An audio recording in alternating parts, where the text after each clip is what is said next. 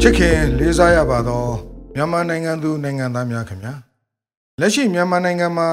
ဥဆက်ပြန့်ပွားနေတဲ့ COVID-19 ကမ္ဘာ့ကပ်ရောဂါအခြေအနေနဲ့ပတ်သက်ပြီးအမျိုးသားညီညွတ်ရေးအစိုးရအဖွဲ့ကူစားပြည်သူများကို လေးလေးစားစားအသိပေးတင်ပြလိုတာရှိပါတယ်အားလုံးသိကြတဲ့အတိုင်းလက်ရှိမြန်မာနိုင်ငံရဲ့အခြေဟာအလွန်စိုးရိမ်စရာအခြေအနေဖြစ်နေပါတယ်တိုင်းပြည်ရဲ့အုပ်ချုပ်ရေးအာဏာကိုအယက်သားအစိုးရလက်ထက်ကမတရားလူယူထားတဲ့အကြမ်းဖက်စစ်ကောင်စီဟာ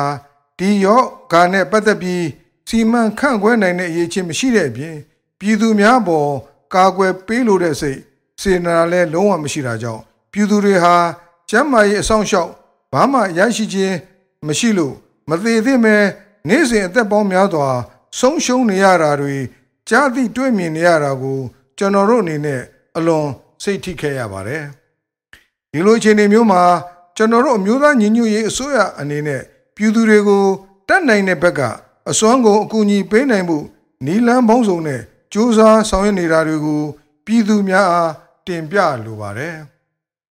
အမျိုးသားညီညွတ်ရေးအစိုးရရဲ့ကျန်းမာရေးဝန်ကြီးဌာနအနေဖြင့် COVID-19 ရောဂါဆိုင်ရာကျန်းမာရေးအသိပညာဖြန့်ဝေရေးလူမှုလှုပ်ရှားမှုရက်သက်တပတ်အဖြစ်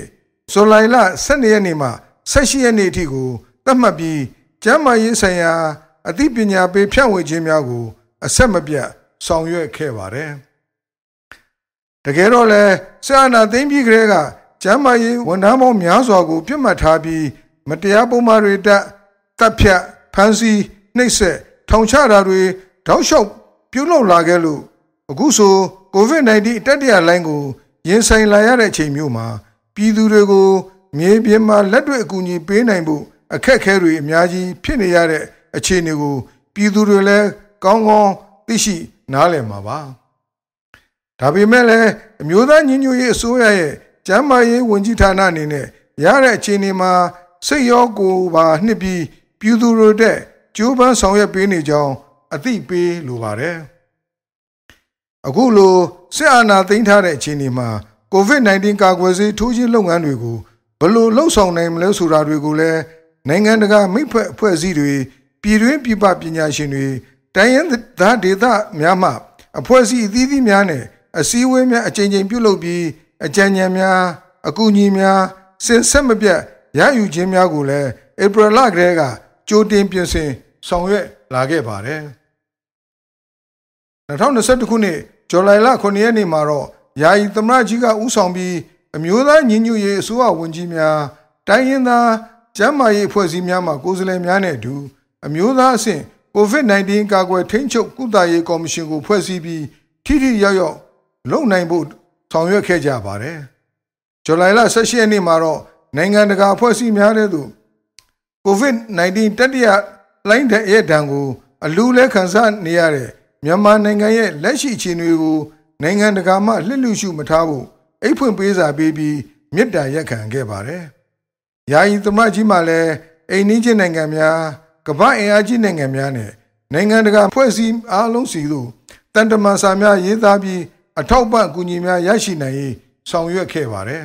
။ဇူလိုင်လ23ရက်နေ့မှာဆိုရင် အကျဉ်းထောင်များအတွင်းမှာ COVID-19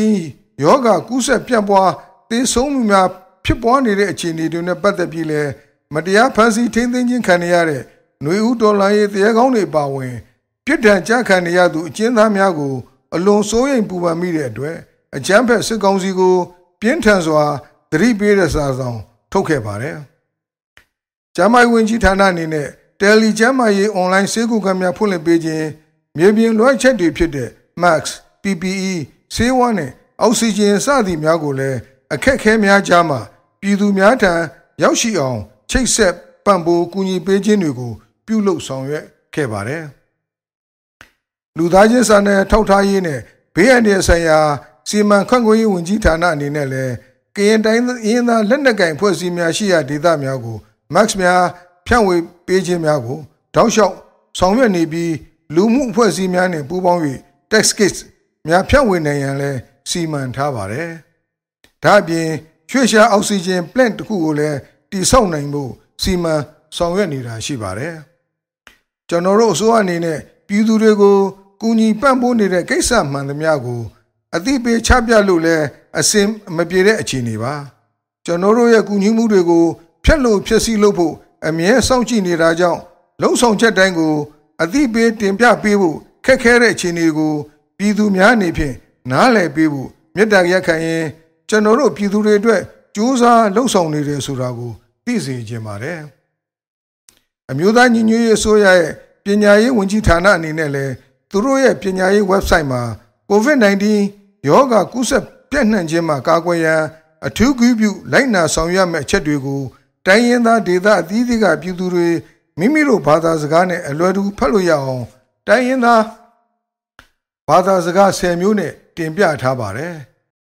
အမျိုးသမီးလူငယ်နဲ့ကလေးငယ်ဝန်ကြီးဌာနမှလည်းကရင်ပြည်နယ်ရှိစစ်ဘေးရှောင်ဒေသများကို လိုအပ်တဲ့ဆေးဝါးပစ္စည်းတွေပေးဖို့ခြင်းကိုဗစ်ရောဂါကြောင့်တည်သန့်ဆွေးနွေးပေးတဲ့ Facebook live discussion တခုပြုလုပ်ခြင်း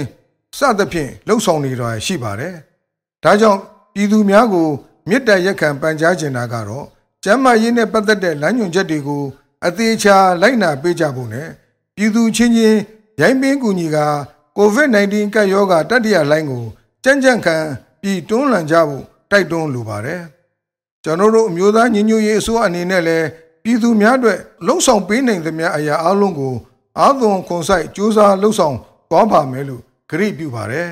ကျွန်တော်တို့အားလုံးအတူတကွလက်ချင်းချိတ်လို့ကတ်ယောဂါဘေးကိုလည်းအတူတွန်းလှန်ကြပါမယ်ဆက်အာနာရှင်တွေကိုလည်း အမြင့်ပြတ်ခြေမုံတွန်းလှန်ကြပါမယ်လို့ပြောကြရင်ဏိကုံချုပ်ပြရစေမြန်မာပြည်သူပြည်သားတွေအားလုံးဘေးရတဲ့အမျိုးမျိုးမှအမြန်ဆုံးကြော်ဖြတ်နိုင်ကြပါစေအရေးတော်ပုံအောင်ရမည်